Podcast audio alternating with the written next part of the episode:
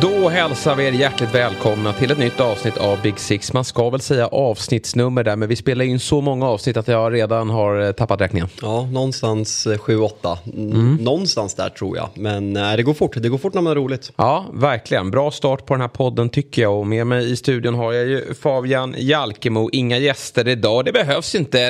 Även om alla våra gäster har varit väldigt bra och de ger oss mycket så känner jag att det har ju hänt mycket i helgen och det händer mycket nyhetsväg. Vi i slutspurten av ett fönster också. Så det finns ju väldigt mycket att prata om. Det finns alltid mycket att prata om. Och eh, vi pratade ju upp den här fantastiska lördagen vi hade framför oss när vi spelade in i torsdags, eller i fredags. Och Eh, den, den levde ju upp till förväntningarna om man säger så som konsument och tv-tittare och köra trippelskärmen där. Så eh, det finns absolut mycket att prata om och vi kan väl redan nu utlova ett eh, väldigt matigt avsnitt. Ja, så är det. Galet med en ny 9-0 match. Att det, men det tråkiga är att det inte blir 10. Nej, jag tycker inte det. United har ju två, ja, United har ju två 9-0 så att de hade fått den där, det är ett, eh, låt mig ha någonting i alla fall. Det är någon mental spärr där. Liverpool hade ju ändå, det fanns ju mycket där. De, Salah hade inte hamnat i poängprotokoll protokollet. Och just det här rekordet då. Och det var väl en eh, 10-15 minuter med tillägg kvar liksom. Ja, med, jag tror att det var typ 13 minuter med tillägg. Ja. Så det kändes verkligen Diaz gör den där 9-0 på, på, på nicken där. Att det kändes, nu kommer de gå för det. Alltså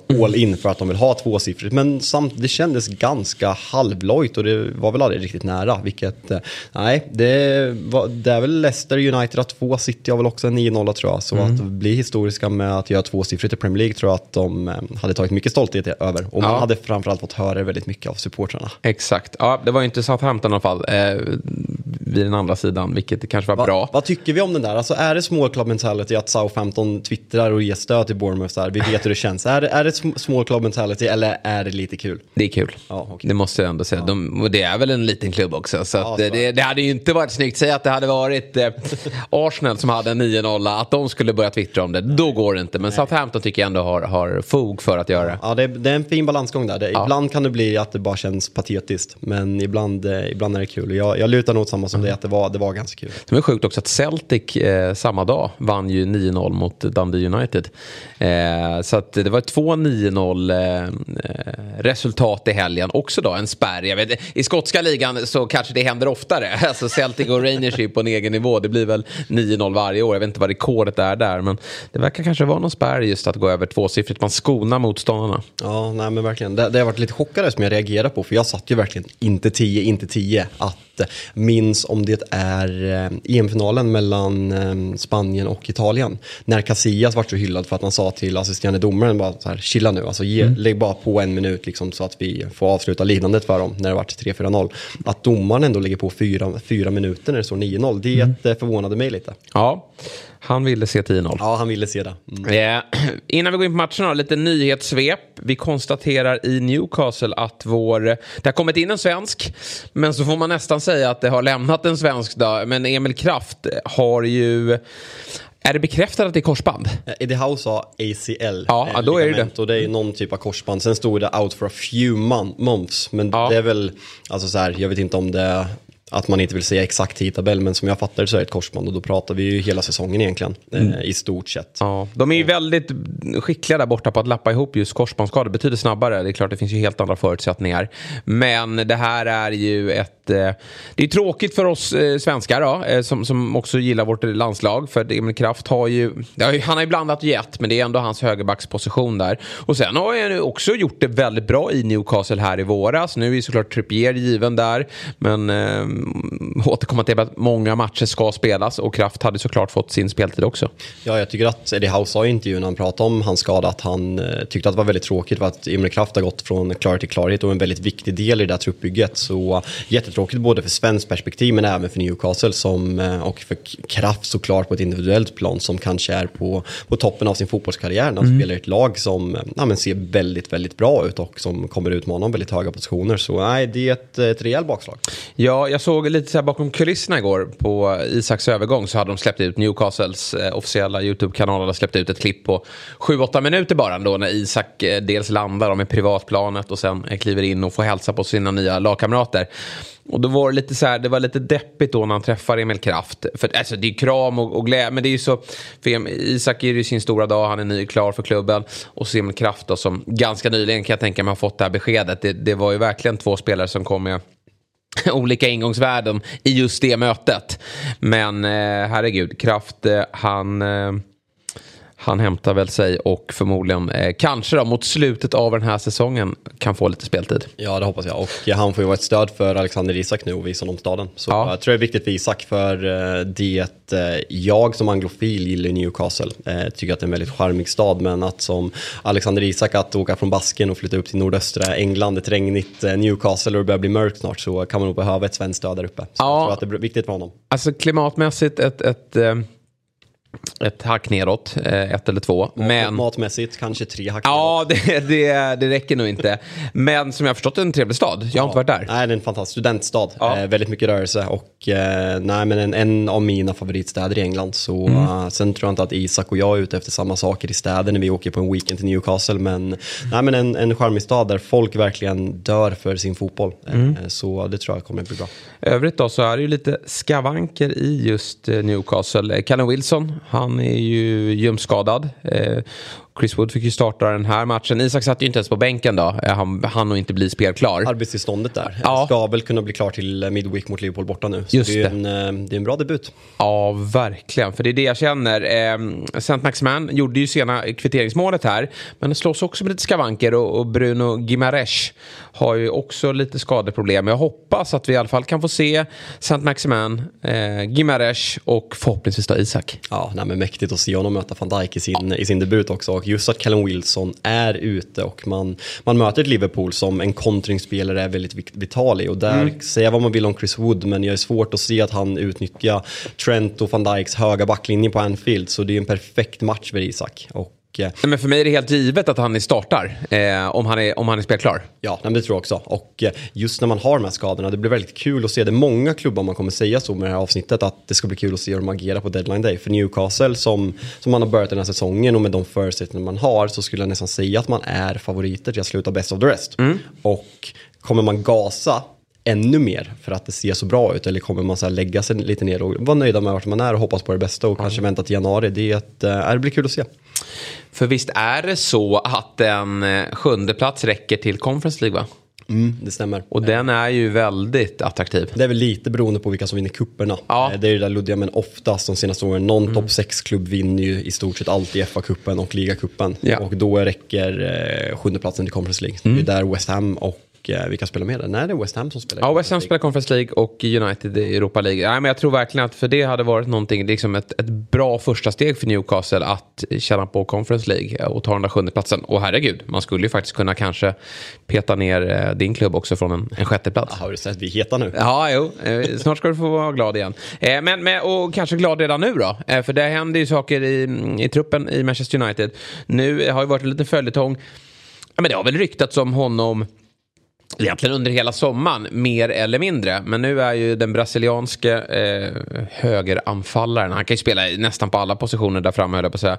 Men det är Anthony eh, som eh, har värvats in då. Ten Hag fortsätter att plocka gamla adepter. Kommer från Ajax till den nätta prislappen av 84 miljoner pund. Mm. Brasklappen att han inte är klar, men han är Nej. here we go. Ja, here we go. Eh, så han, han, är, han är klar. Mm. Alltså, vi kan ändå säga att han är klar. Ja. Eh, och eh, det är såklart, alltså, så här, man, jag vill på väldigt många sätt lita på Ten Hag. Jag tycker att hans värvningar hittills har sett väldigt, eh, väldigt bra ut när han har gett dem chansen. Christian Eriksen har väl inte riktigt kommit in i det som man kanske hade hoppats, men det är fortfarande en ovan position. Men jag tycker att Lisandro Martinez har varit helt fenomenal. Så att eh, om Erik Ten Hag väljer att lägga den här delen av transfersumman på, på en av sina gamla spelare så vill jag tro att han, att han vet vad han gör. Sen mm. samtidigt 84 miljoner pund som det verkar vara plus ungefär 5 miljoner pund i add-ons. Det är väldigt mycket pengar. Det är en väldigt oprövad spelare som har enbart spelat i holländska ligan och jag tror att han har ungefär nio matcher för brasilianska landslaget varav två är starter. Så det är en en väldigt stor transfersumma. Men samtidigt, folk tyckte liksom Darwin Nunez transfersumma var jätterimlig. Han har visat sig i Benfica eh, och i Champions League också för den delen, vilket Anthony också har gjort. Så offensiva spelare med den här, med den här höjden och kvaliteten i den åldern, det, det kostar. Eh, så um, det känns, det, det, låter platt och det låter tragiskt på många sätt men samtidigt, United har pengar, de omsätter pengar. Om, om Erik Den Hag tror på den här spelaren då, då stöttar jag det. Mm, och jag tycker faktiskt att det är en position som man behöver förstärka av säsongsinledningen att döma också. Eh, Ronaldo vet jag inte vad som händer med här men det är väl högst troligt att han ändå försvinner eh, om han nu sitter på bänken andra raka. Att han, att han satt på bänken mot Liverpool kan man ju köpa med tanke på matchbild, men också att han fick bänken mot Southampton. Jag tror att det där kommer lösa sig. Men också för att Martial slåss med skadeproblem. Elanga är ju ingen man, man håller i handen i 38 matcher. Han, han kan absolut få starta vissa matcher. Jag tycker att han ser bättre ut också. Rashford tycker jag... Nej, jag, jag är, tycker inte han eh, ser glödigt ut. Sen måste ju han tinas upp successivt och, och Ten Hag får jobba med honom eh, och kommer ju såklart vara nyttig. Sancho ser mycket bättre ut. Han är väl den, den man eh, först eh, väljer ut då när man sätter ut den offensiva trion. Men det här är en position eh, United behöver förstärka. Och det är det som är så konstigt, för förra säsongen när United tar Sancho för väldigt mycket pengar, man har en het Rashford, man har Martial som man på något sätt hade hopp på, och sen Mason Greenwood i den där positionen, så kände man att vi är klara här för tio år framöver, för det är spelare i rätt ålder som har potentialen, men nu ett år senare när Mason Greenwood eh, väntar på rättegång, eh, Marcus Rashford saknar självförtroende, Martial ser bra ut, men vi vet vad Martial är. Han är ingen spelare man kan lita på som ska föra upp en anfallslinje i 38 matcher. Och eh, Sancho har inte blivit den, den värvningen som man hoppas på. Så jag, eh, jämför man med de andra klubbarna, vad de har på de här positionerna, så behöver United en nummer ett som gör, som gör väldigt mycket poäng. Och mm. Eh, tanken är att Anthony ska bli den här spelaren. Så ja. Ja, eh, jättekul ska det bli att se honom. Och eh, det blir ju liksom extra press tycker jag också på Ten Hag här eftersom det är hans gubbe som kommer in här. Och eh, med den prislappen så egentligen en sån här spelare kanske hade kostat hälften för, för eh, ja, men bara något eller två år sedan. Men, men nu kommer han med en högre prislapp och, och då är ju förväntningen att han ska leverera hyfsat omedelbart. Men det känns ju givet att han eh, går in ganska snart från start. Ja, men det tror jag. Har liksom en försäsong och är i bra form så mm. det, eh, det tror jag absolut. Han inte, jag vet inte när han blir klar, om han blir klar kanske tisdag, onsdag. Så han kommer inte spela mot Leicester. Men sen, sen är det en hemmamatch mot Arsenal på, mm. på söndag. Ett eh, Arsenal som eh, eventuellt kommer stå på 15 poäng när vi möter dem. Så det är en bra debut att komma in från bänken. Jag tror inte att han går in från start. Nej. Men eh, det är en väldigt, eh, väldigt fin debut att göra. Ja, han kommer definitivt bli delaktig. Ett annat lag som också eh, ser ut att värva en brasiliansk landslagsman det är ju West Ham som tar in Lyons Lucas Pacueta som har genomgått eh, läkarundersökning och ja, man bara väntar på att han står där med, med tröjan. Och det här visar ju, den här värvningen skickar ju signaler. Det visar ju vad, liksom vilken status eh, Premier League ändå har samt vilka pengar klubbarna sitter på. Eh, Lucas Pagueta som blev utsedd till eh, franska ligans bästa utlänning i fjol va? Utländska spelare och eh, har gjort eh, 33 landskamper för Brasilien, sju mål. Ja, men det är en eh, riktigt bra spelare som West Ham alltså. Som, som visserligen spelar av Conference League men det är ingen klubb som utmanar om några Champions League-platser. Ja, men det, det, är ju som du säger, alltså det här visar ju vart Premier League-status. Ja. Eh, när en klubb som West Ham som nej, ska komma 7, 8, 9, 10 kan värva de här spelarna. Han, han floppar ju lite i Milan när han spelar där men har fått upp karriären i, eh, i Lyon och är född 97 så det är en väldigt bra ålder. Och att man nu kommer ställa, kunna ställa upp ett mittfält med Declan Rice, Thomas Zuzek och sen Pakueta framför och sen har Bowen och liksom man har ja, men de spelarna man har i Skamacka, Antonio. Det är ett väldigt namnstarkt lag och eh, nu börjar pressen öka på David Moyes att, eh, för det här laget ska leverera på riktigt. Ja, det är många tränare eh, som eh, verkligen lever under press nu. För det är klubbarna där underifrån som slåss som bäst av the rest som har fått ganska knackiga starter men där man har verkligen öppnat plånboken. Och det gör ju här nu West Ham tog in Emerson också från, från Chelsea och, och mm, fortsätter här att, att förstärka laget. Skamacka finns redan där så att West Ham gör ju en, är ju aktiva den här sommaren och har inte släppt någon av Declan Rice eller Bowen heller.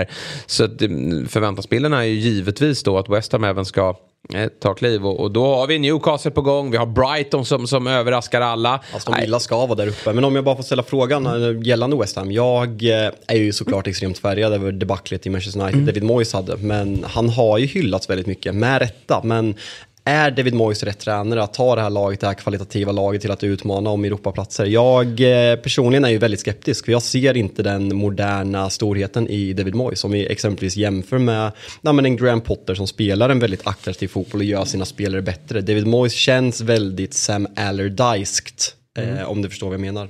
Ja, men jag håller med dig där. Han är ju en, eh, liksom Moise är ju han krämar ju ut väldigt, han gör ju lite det han gjorde med Everton innan då Manchester United. Krämar ut väldigt mycket av det material han får och gillar ju lite den här underdog-stämpeln. Men nu är det ju en annan kravbild på, på West Ham när den här typen av värvningar kommer in. Och eh, ja, jag är inte heller helt övertygad om att han kommer att fortsätta leverera. Men det är ju förut, ja, men tidigare säsonger har det verkligen varit en överprestation tycker jag att komma sjua. Nu vet jag inte om det är det utan nu är det snarare att man ska knacka på eh, till positioner högre upp. Och det har ju varit en tuff start. Första segern kom eh, igår. Otroligt viktig för dem. Men eh, jag är inte alls eh, övertygad om att det, det, kommer fortsätta att levereras från, från David Moyes. Jag tror att det, vi, vi, ser ganska många tränarskiften eh, under den här eh, säsongen just för att eh, när den här typen av värvningar sker, inte bara från West Ham, det är bara Brighton som inte värvar någonting och presterar men, men övriga de här klubbarna, de, där, där börjar kravbilden att eh, se ganska tuff ut eh, sett till eh, vad jag tror att de kommer prestera. Sen är det så kul alltså, jag, att vi sitter och ens ifrågasätter David Moyes för hans gärning i West Ham. Det är ju inte det han har gjort, det är ett fantastiskt jobb. Men det här är ju bara spekulativ för framtiden. För, han, för mig är han inte den tränaren som kan göra det. Nej, Nej, jag ställer mig eh, frågande också, även om han såklart sitter supersäkert som du säger. Gjort det jättebra. Övrigt då, vi kommer in på lite värvningar när vi pratar matchen också. Niklas Pepe, eh, han lämnar Arsenal och går till Nice. Mm. Eh, som, som, han är tillbaka i franska ligan. Det blev ju ett fiasko där. Historiskt fiasko ja. Nu lånas han ju ut så vi får väl se vad den här prislappen, det var ju sådana enorma summor som han togs in för. Uh, 800 miljoner va? Ja det var väl i An Anthony-klass i pengar där och uh, sågs ju som en av franska ligans mest lovande spelare. Men det har ju blivit en tokflopp. Mm. och Eh, Arsenal är helt rätt som skeppar honom. Eh, jag vet inte vad han bidrar med för status i omklädningsrummet men eh, Arsenal är kanske det, det laget i hela Premier League tillsammans med Brighton som är mest medgång just nu sett mm. förväntningar. Så att man får bort en sån spelare som uppenbarligen inte är i Artetas planer ser jag bara som positivt. Ja, nej men så här, också om man ska jämföra många usla rekryteringar. Nej men så här, United har fått så otroligt mycket skit för Harry Maguire. Men det är också skillnaden här i att Arsenal just nu går bra. Så det här kommer ju lite i skymundan, Niklas Pepe. Det är, liksom, det är nästan ingen som bryr sig att han lånas ut i Nice och framstår som, som kapitalförstöring. Medan Harry Maguire då, eh, liksom blir nästan ansiktet utåt för att United också går åt helvete. Plus att han är lagkapten. Men eh, Pepe är ju en rekorddålig eh, värvning just nu då. Sen kanske det händer grejer i Nice så att han kommer tillbaka men det har jag väldigt svårt att tro. Vi får lista den någon gång. Vi får, vi, när vi körde tv-programmet så körde vi ofta listor. Men vi, vi får lista och debattera lite, mm. lite dåliga värvningar någon gång och sen ja. analysera dem. Det, det är ett kul segment. Mm, det börjar bli svettigt för Jack Grealish också eh, kan man ju lugnt säga. Eh, även om just den här prislappen nu då, den, den är ju på densamma då som Anthony här. Får vi se om han kommer upp i, i ja, bättre prestationer. Fotboll har det spelats. Vi började redan på lördagen. 13.30. Southampton mot eh, Manchester United och vi pratade innan då att det skulle vara hur bygger, hur går United vidare från den här eh, vinsten, överraskande vinsten eh, får man säga, mot Liverpool där man i, stora, eller i stunder av matchen verkligen imponerande. och Eh, vi skriver 1-0 till Manchester United men det var väl en insats som hade mer att önska va? Ja, så var det verkligen. Eh, sen för mig när jag gick in till den här matchen, jag... Eh, United, det brukar vara tuffa matcher mot Southampton. De är ett väldigt, de är ett väldigt duktigt lag, även om kvaliteten, liksom, kollar man på spelare för spelare, man, det är många spelare man knappt känner igen när man kollar på deras startelva. Eh, och man undrar vad som har hänt, det är en enorm ruljans i truppen.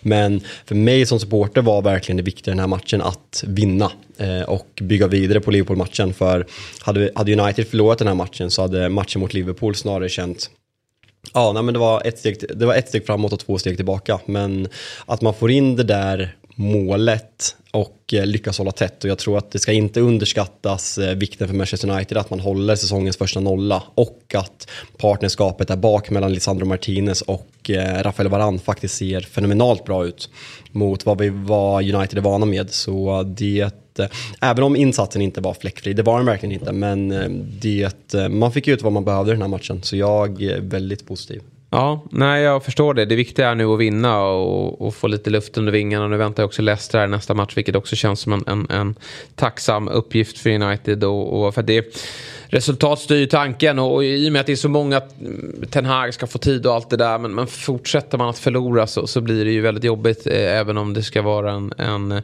nystart. Men jag måste säga att jag har kritiserat Southampton och sen ska man inte gå i den här klassiska Southampton-fällan för de har ju eh, under åren när de har gått dåligt också stått för väldigt bra prestationer stundtals och så går de ner sig i något eh, extremt djupt hål där man är helt klappkassa under, under väldigt många matcher. Men jag tycker de gjorde en imponerande insats och, och ska ju minst Ta med sig en poäng här faktiskt. Och när man tittar på den där elvan, det är, det är väl därför också eh, lite okunskap från en själv när man liksom gör en bedömning av slagstyrkan inför en säsong och som jag har om då eh, att, att åka ur. Men, men eh, det är ju för att man inte riktigt har koll på de här spelarna. Men jag tycker till exempel att man, man har fått ett riktigt bra mittbackslås här i, i Salisu som jag sett tidigare. Och Pelle Kotschack. Och Pelle Kotschack ja, eh, Djurgårdens eh, hedersstyrelsemedlem här eh, som har klivit in på mitt, mittbacken. Ja, men det gick inte att tänka på annat. Nu kanske inte alla som lyssnar på den här podden har koll på vem Pelle Kotschack är. Men han gästade ju Toto Balutto eh, under något, för något år sedan här. En Djurgårdslegend som är en otroligt härlig eh, karaktär.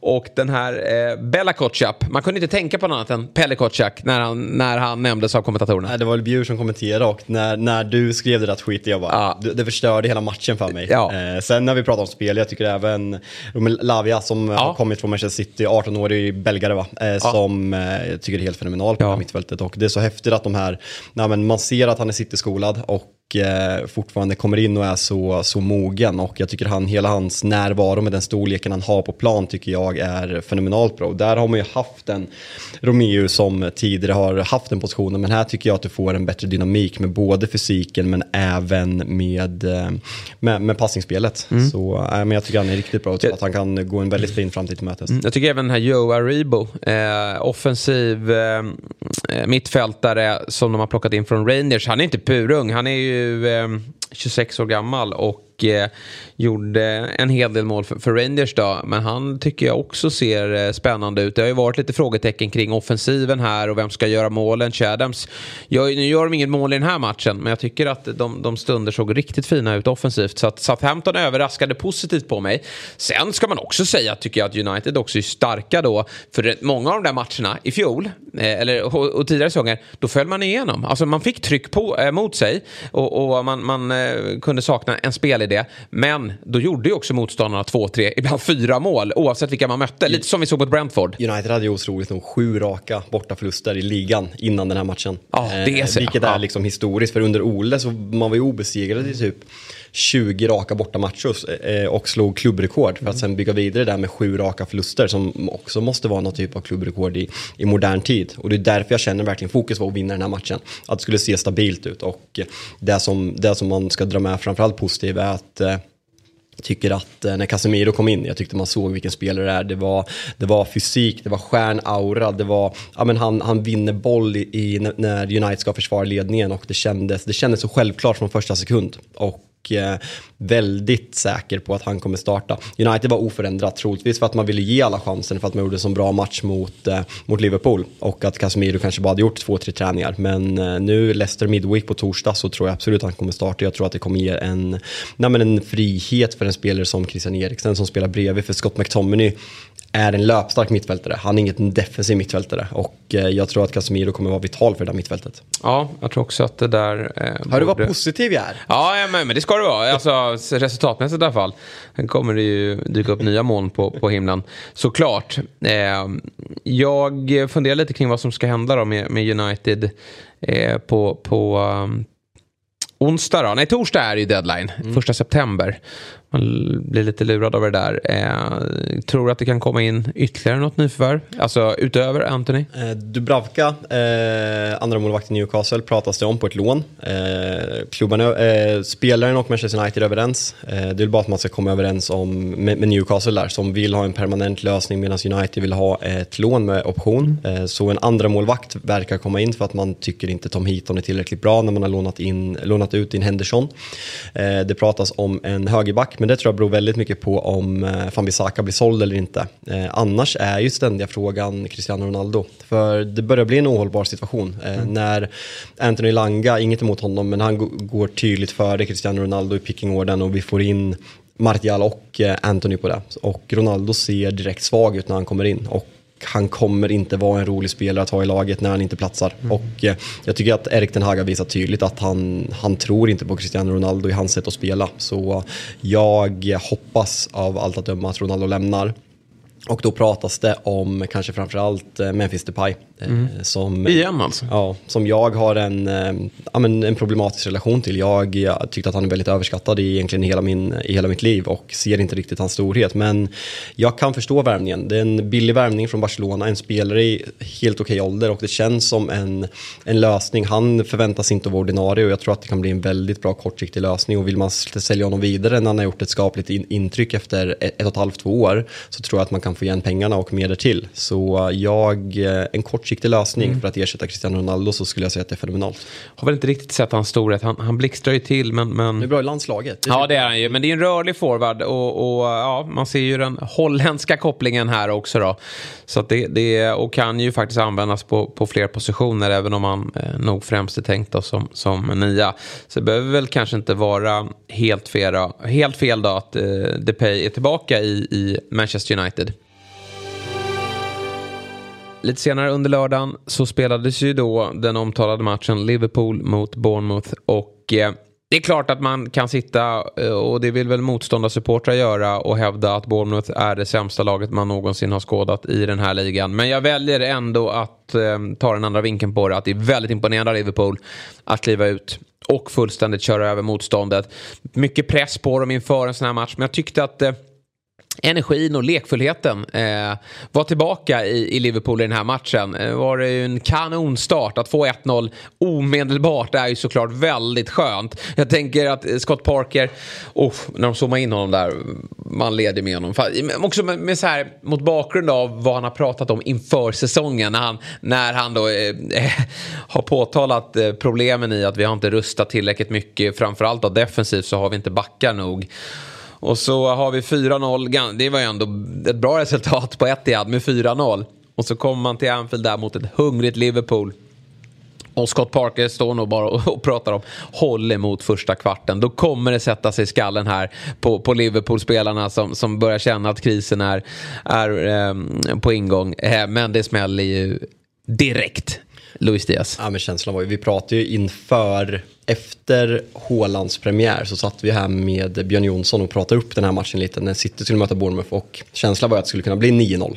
Eh, nu fick vi den 9-0 mm. som City, det kändes som att City gick på halvfart den matchen. Och eh, vi, vi satt ju här med Robin Bylund i, i fredags och eh, pratade om krisen i Liverpool. Mm. Eh, det var ju ett ganska bra statement att eh, man kanske har dragit lite för stora växlar i hur dåligt det ser ut för Liverpool. Och eh, jag tror att det här verkligen är exakt vad Liverpool behövde att man fick, man får med sig fansen, det blir bra stämning på Anfield, man börjar tro på det. Man har Newcastle i ett tacksamt läge nu med mycket skador, så mm. har man ett Merseyside-derby där eh, Liverpool aldrig förlorar mot Everton. Och eh, tar man eh, sex poäng på de här matcherna, då är man verkligen med. För mm. alla lag förutom Arsenal har tappat poäng och de kommer fortsätta tappa mer poäng. Vi kommer komma till Citys match mot Pallas. Det var ju ett tag där det såg väldigt bra ut för Liverpools del när, ja. när Pallas ledde 2-0 och då ledde väl City med 5-0.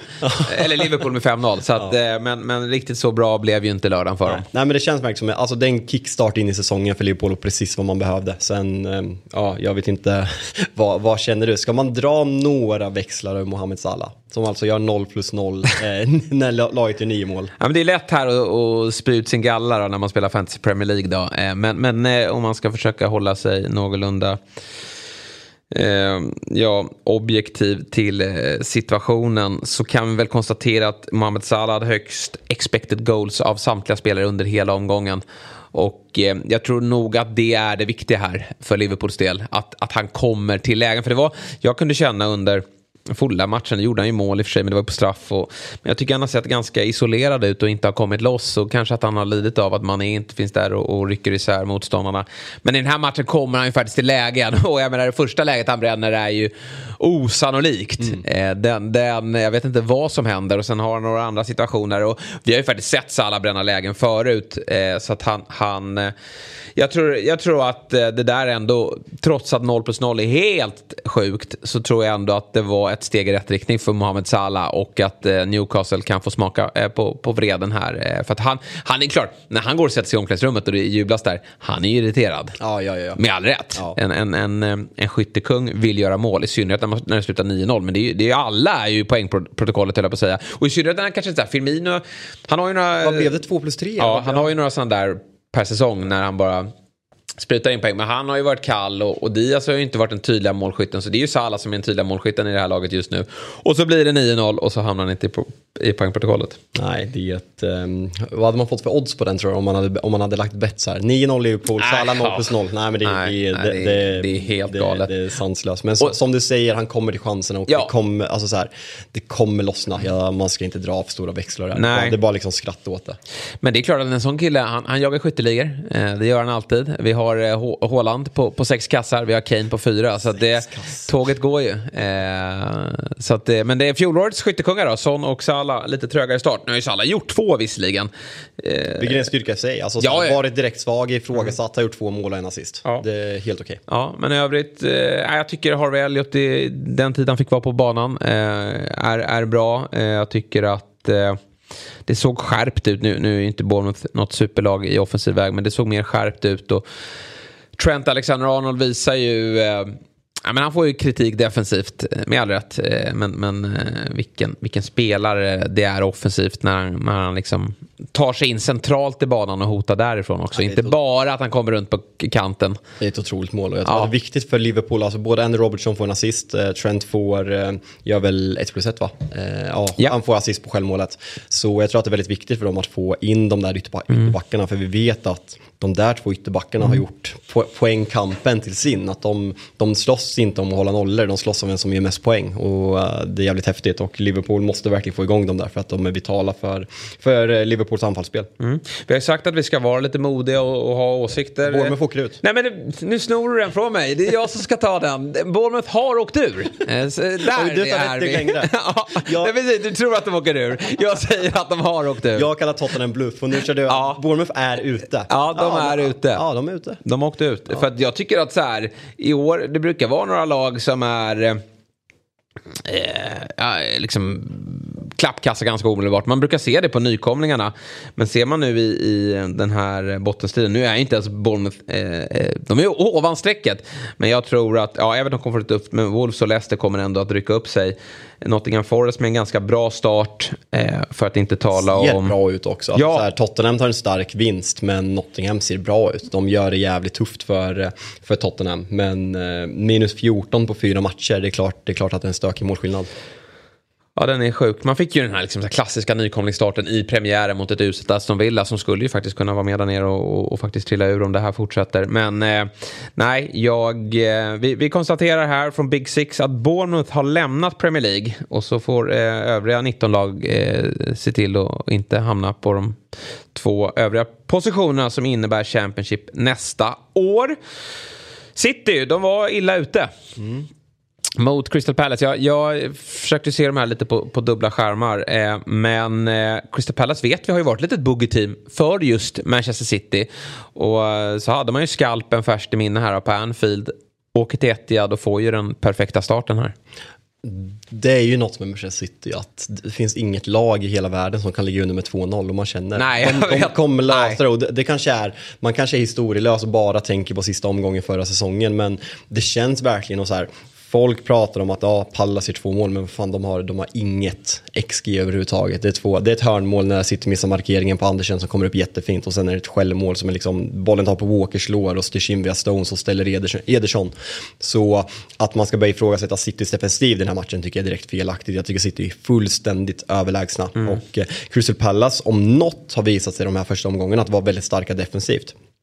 Jag tycker man såg det både i premiären och även i matchen mot Liverpool. Att man är inte bara ett omställningslag, man är väldigt starka defensivt med den där fem backlin backlinjen som kanske Joakim Andersen leder i ansiktet utåt för i år. Men City, sättet de överbelastar på, eh, på, ja. på sina kanter med sina ytterbackar, jag tycker eh, ja, men man, man fortsätter imponera på varje gång. Och eh, vi döpte väl avsnitt 3 till att Håland är fusk. Mm. Och eh, vi skulle kunna döpa det här avsnittet till Håland är fusk 2.0. För eh, vad fan är det som sker? Ja men såg du när han byttes ut? Pep, Håland blev nästan rädd för Pep där. Men han, han står ju alltså, ställer sig och applåderar och har ju ett sånt stort smile.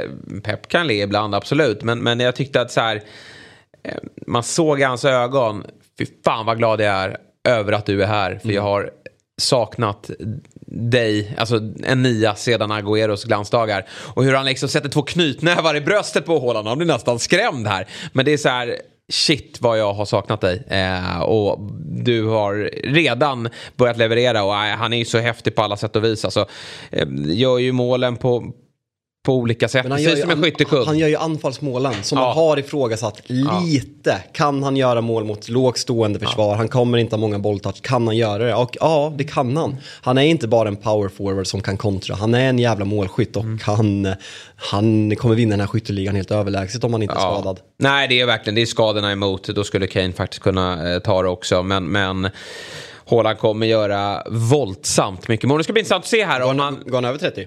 Ja, men det ska bli intressant att se nu, för nu, nu har han ju sagt då midweek-omgångarna eh, så ska han vilas. Eh, eller så han kan inte spela match var tredje dag. Klev av i 83 här, får se om Pep håller det nu då när de möter eh, Nottingham Forest här på hemmaplan. Jag har lite svårt att tro att han väljer bort honom så här tidigt in på säsongen också. Och jag tänker mig i Champions League, han ska väl spela Dortmund-matcherna. Eh, det, det, vill han väl göra, men Köpenhamn behöver han inte spela mot och Sofia kan han ju skita i på, på hemmaplan. Eh, så att eh, jag tror snarare kanske att han ska få mycket speltid i ligan, för jag tror de värdesätter att just att han bombar in mål i, i ligaspelet här. Och sen till våren då när Champions League blir mer hett. Fler, alltså viktigare matcher då, då kommer han att spela mm, oftare där. Frågeställningen man har är att vad vill Håland? För vi vet Cristiano Ronaldos, eh, hur mycket Champions League betyder för honom. Att det är en av de största anledningarna att han vill lämna. Och Håland har en, ja men han är ett helt osannolikt målsnitt i Champions League. Vill han hellre möta Sevilla hemma än Nottingham hemma? Det är ett, eh, man vet inte. Nej. Vi sitter ju och pratar om Premier League för att vi tycker att Premier League är roligare och liksom tycker att gruppspel till Champions League när man får de här ja, men ganska lätta lottningarna. City kommer knalla igenom den här gruppen. Då vill vi hellre se Håland möta Nottingham. Men eh, vad som händer i Hålands huvud, det, det tror jag knappt eh, någon vet förutom han själv. Nej, och sen också just de där målen. Ja, men alltså jag, jag tror jag sa det faktiskt innan säsongen. Han är ju sjuk sista halvtimmen också. Då, när han kommer in och lagen börjar bli lite spretiga, börjar bli lite trötta. Och, och, just när man hamnar i ledning också så är det det här klassiska fyra målet då när, när Gündogan sätter den i djupet på honom. Och han får ju två mittbackar på sig men, men det spelar ingen roll hur stora de är utan det, det är ju bara att flytta på er och så dunkar man in den bortre. Och även, alltså 3-2 målet ser ju ut att vara världens lättaste mål att göra. Och det är det ju, men det är ju för att han står rätt. Och det är ju det City har saknat, en som står rätt. Ja, och det, det, som du säger, det kändes verkligen pepp. Alltså, så här, peppa. Jag är så jävla tacksam för dig. Eh, mm. Tack att du är här. Och eh, men vad, vad, är det för matcher? Jag satt på, jag satt på en sportbar på, på Odenplan och, och följde de här två matcherna och hade Liverpool och City kanske framför allt och får alltså, fan blir det 15 mål på två 16 matcher. Ja. Vad, vad fan är det som sker? Nej, det small eh, i, i, i varje minut. Jag eh, har några spelare här i offensiv väg som Pep kommer att, för annars kan det vara så att Pep, han laborerar i stora matcher, men, men eh, Kevin De Bruyne är given. Gündogan är given, han kommer in här också. Han får ju vilan här, vilket inte är konstigt, spelat mycket på slutet, men, men visar direkt när han kommer in också hur viktig han är för City. Eh, Bernardo Silva. Eh, men Pep älskar ju honom. Och bekräftar att han stannar. Ja, eh, och det är så är viktigt. viktigt. Och känslan nu när Gündogan har kommit in så bra i den här säsongen är ju att det, det är snarare ytterpositionerna som City inte har fått att lossna på. Och den har väl kanske varit bäst, men Mares och Grealish har inte liksom imponerat i säsongsinledningen. Så känslan är verkligen att Foden ska spela till vänster, Bernardo till höger ja. och sen är tre man i mittfält med eh, KDB, Rodri och eh, Gündogan. Mm. Det är Citys överlägset bästa. Ja, det är nog det. Och Bernardo har ju lite från säsong till säsong Ibland kanske när han var som bäst under säsongen, eh, vilken är det, 18-19 tror jag, kan vara säsongen innan, när även Sané är helt fenomenal. Då mm. spelar han ju på en ytterposition. Mm. Och Eh, sen senare år har han ju varit snarare bättre på centrala mittfältet. Men nu känns det som att han är tillbaka där uppe. Och mycket tack vare Gündogan som är, eh, ja men han bidrar med saker som City inte har. Nej, och sen nu, jag minns så här, tidigare har ju liksom det kommit djupledslöpningar från kanterna i Jesus och eh, Sterling. Sterling. Nu kommer de centralt istället. Nu kommer Haaland som rycker isär och även Gündogan som är ju fantastiskt fin på att sticka igenom också. Så att nej, de, de, de, de Gör det bra, men eh, jag, jag, blir också glad faktiskt för, för ligans skull här att Liverpool ändå eh, växlar upp här. Det, det, kommer bli, eh, det kommer bli kul det här hela vägen. Eh, jag sa kanske att titeln var körd förra veckan va? Mm, kan du. Ja, vi får se. Ja. Har jag redan ångest över. Vi eh, tar oss till ett annat tilltänkt topplag och det är ju Chelsea. Som i den här matchen, och det, det vet att Chelsea-supportrarna blir väldigt glada över. David Fjäll har varit på mig, han, först han skriver då när startelvan släpps. Fem stycken från de egna leden som startar den här matchen. Eh, det är alltså Chaloba, det är Loftus-Cheek, det är Reece James, det är Mason Mount och det är Gallagher. Men de, eh, David Fjäll skriver till mig då, WhatsApp. Eh, fem spelare, Eh, ser, du, ser du Chelsea? Fem spelare. Och sen skickar efter. Nu blev de bara fyra. Gallagher, vilken idiottackling. Vi var ju på honom inför det här, eh, den här matchen. Att ni kan nog inte vara två på det här centrala mittfältet. Han ska inte vara en av två på det här centrala mittfältet.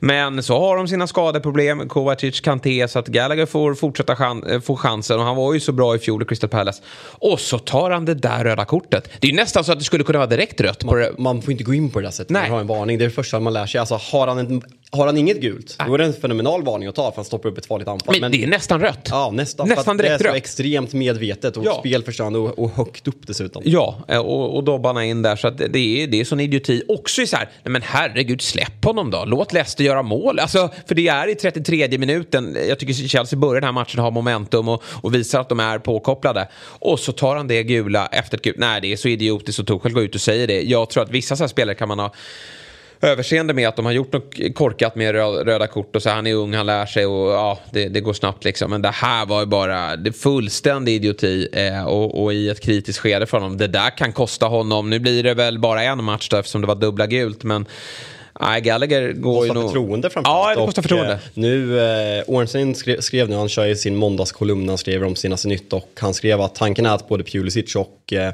och Gallagher kommer stanna. Men sen samtidigt skrev han om Frenkie de Jong går till någon klubb så är det Chelsea. Och känslan är, kommer Frenkie, då kan vi nog ha ett lån eh, som vi kan prata om. Och nu är Liverpool-ryktet där också med Frenkie, du har sett det va? Mm. Eh, att det, det börjar viskas. Eh, får vi se om det, det om det blir så. Det är ju inga Roman, det är inte Romano ännu va?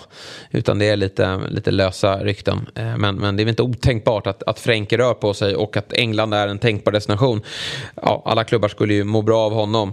Men eh, ja, Gallagher har i alla fall inget att göra på det där centrala mittfältet. Nej. Då ska han längre upp i banan. Ja, verkligen. Känslan alltså, Thomas Chelsea också, man får in för Fana nu. Eh, senaste nytt att eh, det verkar skära sig lite med Aubameyang. Eh, att Eh, de tycker att övergångssumman är för hög och att han har för höga lön, löneanspråk för, och att han är för gammal. Eh, så att det är en kortsiktig lösning så att man inte vill betala de pengarna. Så mm. det blir, eh, det känns ändå som att Chelsea måste att man måste agera på anfallspositionen. Det är viktigt för dem att man får igång Sterling, ja. att han får det här målet. För jag tycker ändå att Sterling har, kanske inte i derbyt mot Spurs, men han har kommit till chanser. Det är bara att bollen inte har suttit. Så att han kan få lite självförtroende och bygga vidare på det här tror jag är jätteviktigt. Men det känns tunt där uppe för Pulisic, Ziyech riktas till Ajax. Mm. Eh, Havertz får inte att lossna. Man måste ha någon som gör målen. Annars eh, annars blir topp fyra tufft för dem. Mm. Men jag måste slå mig lite för bröstet här. Jag, mm, för ett år sedan när jag satt och rankade nyförvärv då hade jag väl Lukaku och Grealish. Topp 1 och 2. Det gick inget bra. Men i år, eh, min topp 5-lista. Häng med nu. Ja. Etta Håland. Jag slog in en öppen dörr. Eh, ja, kanske. Eh, eh men, men, men han, har, han, har startat väldigt bra. Ja, det är ändå Lukaku färskt i minne. Ja. Men, men, det är bra, du ska vara på med där. Jag, jag väntar med andra platsen. Ja. För den, den var sådär. Eh, trea, Jesus va? Hade jag. Mm. Eller Raheem Sterling, jag kommer inte ihåg. Men jag tror att det var Jesus. Jag tror att det var Jesus Ja, Jesus. Ja. Okej okay, start va? Mm. Ja. ja. Du sitter bara och nickar. men det, det, är det du kan göra. Eh, Sterling fyra. Eh, In, inte än. Jo, han är där nu. Lisandro Redan Martinez. hittills. Lisandro Martinez, etta. Sluta nu.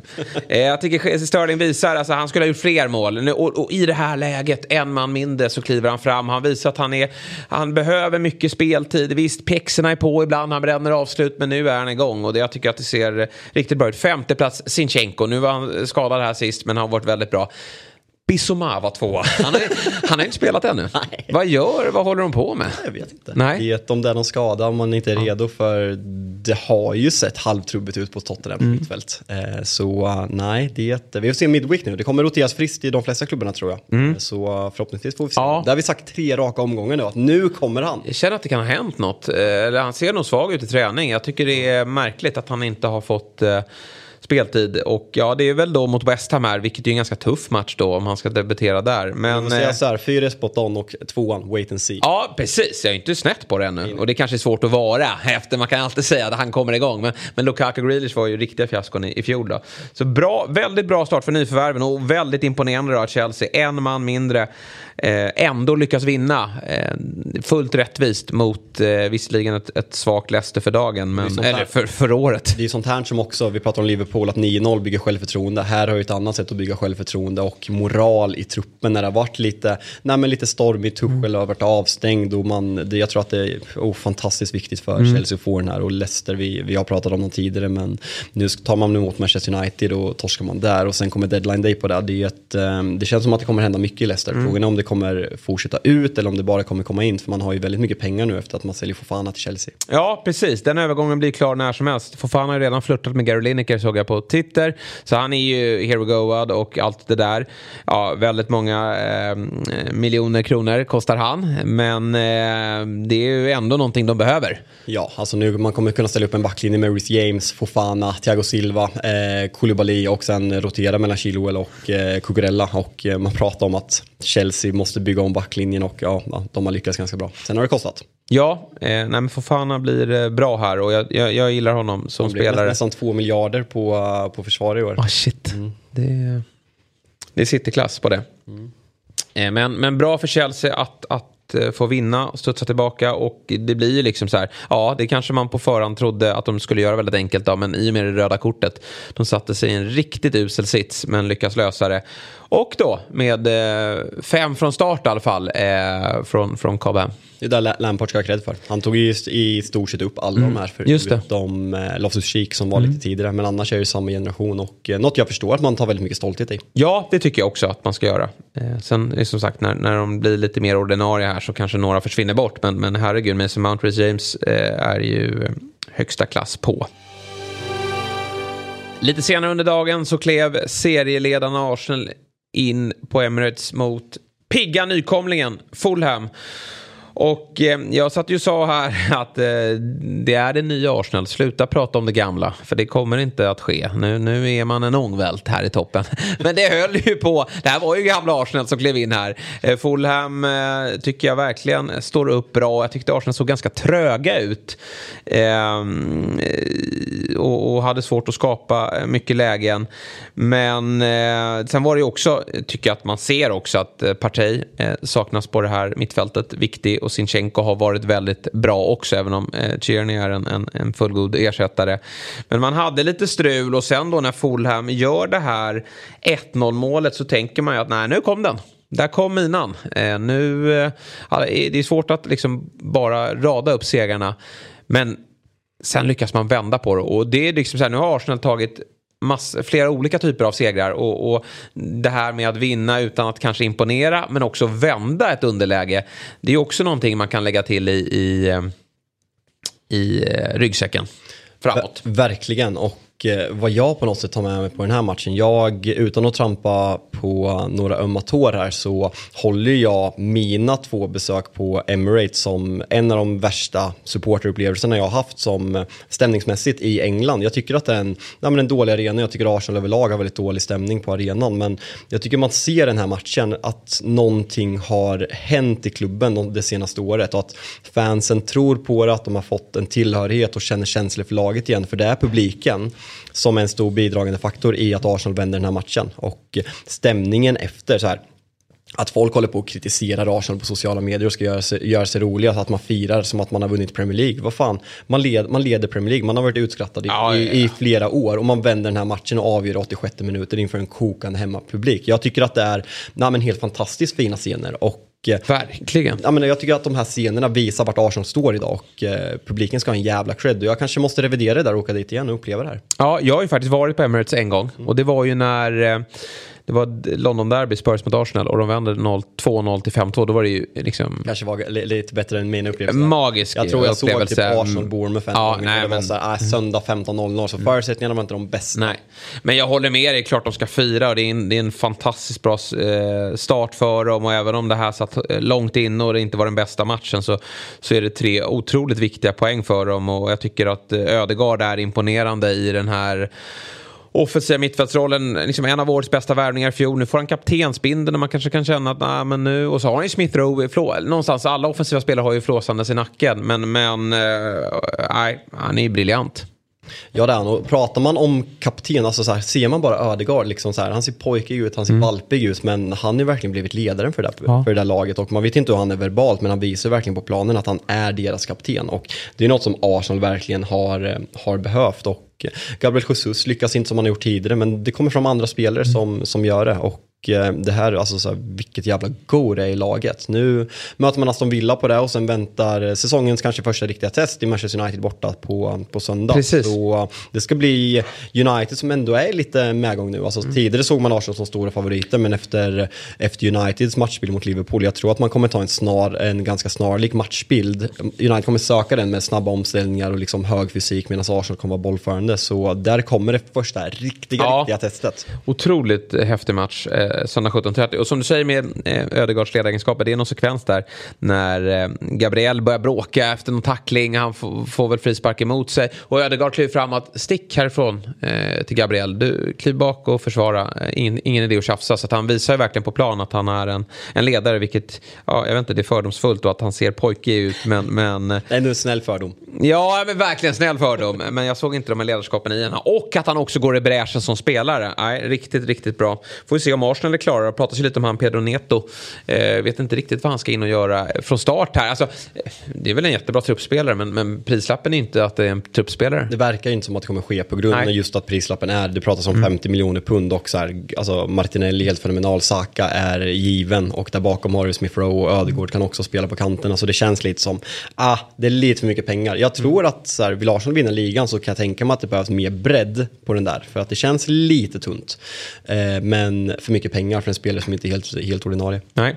Fulham då gör ju en bra insats. Mitrovic visar att han är på riktigt den här vändan i, i Premier League. Näst högst XG efter ja. Åland de första fyra matcherna. Shit. Säger ändå en del. Då har han missat ja. en straff så det är 0,8 på den. Men mm. Eh, det säger ändå någonting. Man pratar ju ofta om att han är bra i Championship, han håller inte i Premier League. Men eh, om vi får döma de första fyra matcherna så är han ju verkligen här för att stanna. Ja, och det är liksom så här fem poäng. Eh, och då har man mött Liverpool, Liverpool Arsenal och Wolves på bortaplan är inte heller lättast tänkbara. Så att Fulham med en, en, en fin start, eh, tycker jag. Ja, men många pratar ju om att Marco Silva är den här ja, men naiva tränaren som kanske skulle bli ett nytt Norwich. Inte lika usla, men att man ville spela samma spel med i Championship. Men jag tycker att man visar en cynism som jag tycker imponerar. Och Eh, känslan just nu om mm. vi ser att Bournemouth redan åkt ut att Fulham har alla möjligheter att hålla kvar. Ja, man ska akta sig för att dra för stora växlar. Eh, det finns ju pigga nykomlingar. Jag tänkte Brentford startade i säsongen bra i fjol. Sen gick man in i en rejäl svacka, men sen så växlar man upp igen.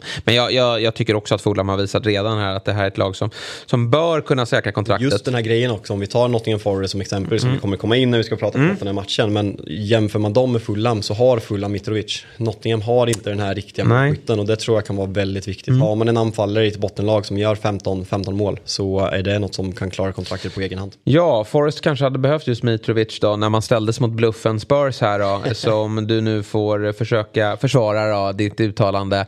Spurs med en, med en bra start eh, den här säsongen. Man missar ju även en straff här. Harry Kane leder trupperna.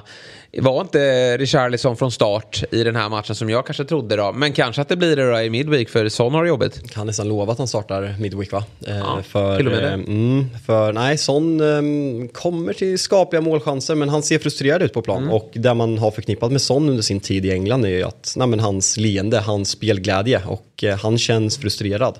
Sen ska man, glömma, alltså, man ska inte glömma, Son är jag tror man luras att han, av hans glada yttre, men det är en egoistisk målskytt som vill göra mycket mål. Precis som CS, vi pratar Salah, att det är rimligt att han är tjurig när de vinner med 9-0 och han inte gör mål. Men sån reagerar man på när han ser frustrerad ut. Men det, jag säger inte att det är ett problem än, men det är något att hålla ögonen öppna på. För sån behöver komma igång.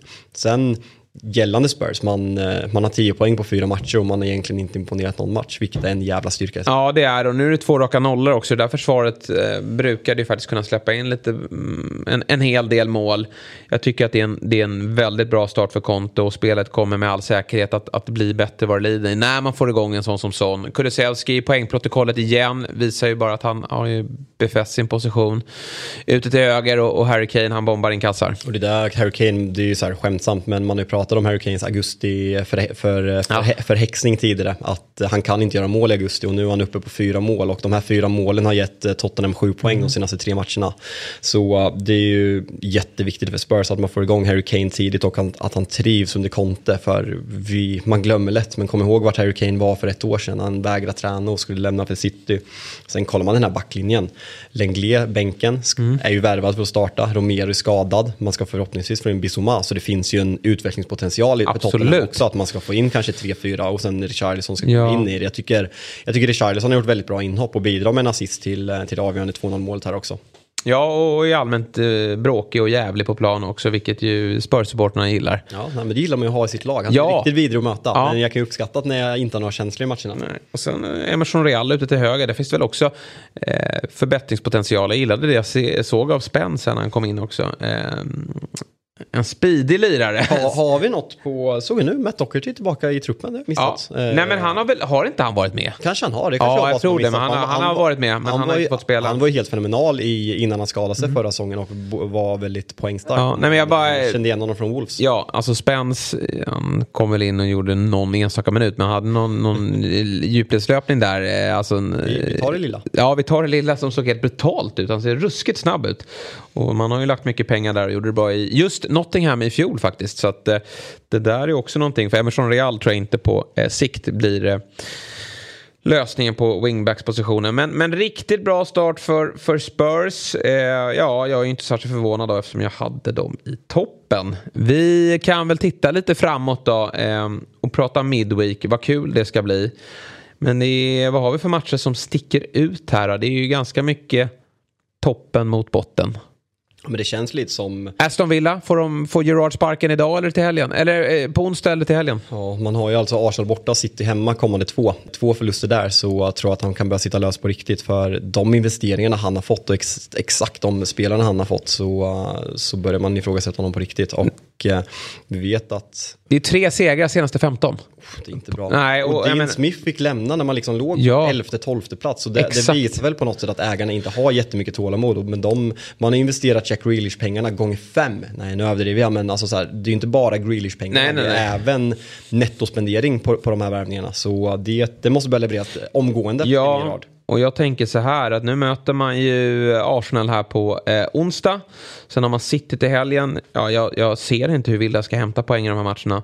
Sparkar man Gerard då så har man ju schemat sen också. Det brukar ju vara tacksamt att ge en ny tränare en bra start. Då har man ju Leicester, eh, Southampton, Leeds och Nottingham Forest som väntar sen. Eh, och um, ja, det börjar faktiskt bli dags att prata i de termerna. Och är det inte lite kul att vi förut pratade om vem som var bäst av Steven Gerrard och Frank Lampard som spelare. Nu pratar vi om vem som är sämst av dem som tränare. Och det, det är fan svårt. Det, det är hård duell här med. Gerrard har sin Invincible ja. med, med Rangers som såklart inte ska underskattas. Det är, en, det är en eh, prestation i sig. Eh, det var dock ett väldigt svagt Celtic han mötte och i en väldigt svag liga. Och Lampard har sin, sin session med Derby när han utvecklar många unga spelare. Han tar över Chelsea med transferförbud och gör en väldigt bra första säsong och låter de här som spelarna som David Fjell var väldigt stolt över, Reece James och Mason Mount kanske framförallt, få sitt genombrott och ge dem chansen. Eh, det är väl deras aktioner i, i fotbollsgärningen, mm. i tränargärningen som har varit bra. Men nu, eh, nu är det eh, fan inte kul att se någon av dem. Och Ever Everton har också ett tufft schema nu. Man möter alltså Leeds borta i Midweek mm. och därefter väntar ett Merseyside-derby mot ja. Liverpool. Men till Lampards försvar så har ju han ett betydligt sämre lag, tycker jag, att jobba med. Sen finns det ju ändå en förväntansbild för att det är Everton. Ja. Så att det, är, eh, det är ändå tufft läge för, eh, för Frankie också. Vi får verkligen se här, det är liksom en, en följetag. Och jag, jag, jag, jag älskade ju både Gerard, jo kanske inte du gjorde, eh, men, men jag älskade ju Gerard och Lampard som spelare. Men jag tycker att det finns någonting i att gamla storspelare går på tränaryrket och åker på, och, och får åka på käftsmällar. Det är inte, bara för att man är en skicklig fotbollsspelare, riktigt skicklig, alltså världsklass, så är det inte bara att kliva in och, och, och ta tränarjobb och tro att det här är är, att det lös, löser sig automatiskt. Men känns det inte också lite att de här spelartyperna, väldigt, två väldigt kraftfulla mittfältare som levde mycket på sin storlek, sitt skott, sitt, sina andra vågslöpningar, att de är så klassiskt brittiska och klassiska brittiska tränare är ofta väldigt eh, omoderna och mm. eh, dåliga historiskt. Det är, det är, ingen slump att så några britter har vunnit, eh, vunnit Premier League eh, som tränare. Att de, som ofta, de förra spelarna som ofta blir bra tränare är taktiska spelare, ofta från Spanien, Italien, från Sydamerika, så här, som har varit långt ner i banan och tänker fotboll på ett annat sätt. Så det kan absolut ha något att göra med det här också. Ja, och sen tror jag att det är bra att liksom så här, glorian över spelarna måste få lägga sig lite efter en spelarkarriär. Liksom, gå och gör något annat, eller på säga. Nej, men utbilda dig och sen komma tillbaka när du är lite bortglömd på något sätt. Eh, det kan jag eh, tycka att eh, det, det, får inte gå, det får inte gå så snabbt. Jag kan tänka mig att spelartrupp också blir lite stressade. Att här kommer Steven Gerrard, eh, min idol, och, och, nu ska jag lyssna till honom som tränare. Och så kanske man inte tycker att han riktigt når upp till, till eh, Ja, de, eh, den nivå man förväntar sig av en tränare. Eh, men ja, vi, vi rör oss inte kring klubbarna. Vi ser resultaten och det jag ser är att Aston Villa underpresterar kraftigt. Och att eh, lägger man så mycket pengar på en spelartrupp då är det viktigt också att man, man har den, den bästa tränaren som, som leder laget. Ja, eh, men Midweek blir det och, och, det ser vi fram emot och vi är väl tillbaka. När sa vi att vi ska vara tillbaka? Nej, men tanken är väl att vi spelar in på, på torsdag eh, morgon så ni får ut avsnittet tidigt. Eh, sen så har vi faktiskt sagt att vi har planer att spela in direkt efter visslan mellan United och Arsenal eh, nästa söndag så att vi får ut ett matigt tidigt eh, måndagsavsnitt där vi även kan prata ner deadline day. Mm. Så det, eh, det är mycket som sker nu och det kommer, jag tror att det kommer smälla rejält. Everton pratar pratas mycket om. Det pratas mycket om Leicester. Eh, United kommer att agera. Vi får se om Liverpool tar in en mittfältare. Så det eh, ska bli kul att följa det här nu. Ja, men Leicester måste ju agera. För nu har man ju faktiskt fått in väldigt mycket pengar och det ser väldigt illa ut. Och det kan gå väldigt snabbt ut för då. Eh, så att det, det mm, det måste ske någonting. Vi vet också hur, hur viktigt det är, hur mycket pengar man, man, förlorar om man, om man åker ur. Så att, jag förväntar mig också att klubbar som Everton och Leicester som du är inne på, att de agerar. Ghana Gay verkar vara klar för Everton. Ja, just det. Eh, det har... Så det blir ett eh, välkommet tillskott för, mm. för klubben. Ja, får se om Neil Mopay kan komma igång med målskyttet. Det, är jag skeptisk till. Vad händer med Brighton? De bara fortsätter. Ja, de bara, snart inga spelare kvar. Brighton, nej, vi måste nej. hylla Brighton igen. Ja, shit alltså. Det är så häftigt. De, de bara donar på. Defensiven, alltså den är liksom, de, Leeds kommer inte till ett läge. Ja, men folk pratar om de bara kontrollerar matchen. Ja, men att Bissoma var verkligen ja. vital för, det där, för den där balansen på mittfältet. Ja. Men kolla utan Bissoma, man är helt, mm. helt fenomenala. Ja. Man, man sitter bara och undrar när det tar stopp. Men bara en snabb fråga innan vi, innan vi avslutar. Kan de Kommer dippen och att de kommer sluta 10 eller tror vi att de kan liksom utmana om best of the rest? Alltså där 7, 9, 8, 9. Ja men så bra är de ju att man måste tro det. Sen kommer ju alltid Brighton in i lite dippar. Alltså de, de har ju under Potter-tiden kommit in i, i, inte, i tråkiga matcher där man inte gör mål och, och, och, förlorar väldigt mycket. Och det kommer ju ske. Det är klart att inte Brighton eh, slåss om några Champions League-platser. Men, men de kom nia i fjol och, och jag trodde väl att när de tappade Bissoma och, och Kuchereya här att man skulle falla igenom lite och tappa några positioner men, men så verkar inte vara fallet. Man bara gasar. Man bara gasar. Och det gör även Big Six. Vi är tacksamma för att ni lyssnar. Sprid ordet och följ oss på vad ni nu, vilken poddspelare ni lyssnar på och sätt högsta betyg så blir vi väldigt glada här och kan satsa vidare. Kan väl även ge en liten teaser att vi eh, kommer fortsätta precis som vi gjorde förra torsdagen att eh, ringa upp en supporter på ja. avsnittet i torsdag och siktar väl på en Everton-supporter. Ja, vi vill höra lite vad man, vad man tänker kring framtiden här och eh, lite kring Frank Lampard. Så, eh, så supportinslaget är kul när vi ringer upp någon ledsen eller glad själ ja, ute i landet. Vi ringer ju inte Bylund efter 9-0. Nej, absolut, nej. Det, det, det, det, står i mitt kontrakt. Vi, där, där sätter jag stopp. Nu väntar vi in nästa kris. kan dröja, men eh, då, då tar vi ett samtal till Robin igen. Tack för det. Vi hörs på torsdag igen.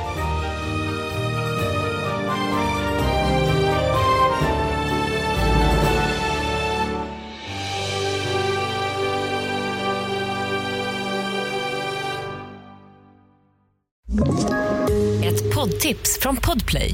I fallen jag aldrig glömmer djupdyker Hasse Aro i arbetet bakom några av Sveriges mest uppseendeväckande brottsutredningar. Går vi in med hemlig telefonavlyssning och, och då upplever vi att vi får en total förändring av hans beteende. Vad är det som händer nu? Vem är det som läcker? Och så säger han att jag är kriminell, jag har varit kriminell i hela mitt liv men att mörda ett barn, där går min gräns. Nya säsongen av Fallen jag aldrig glömmer på Podplay.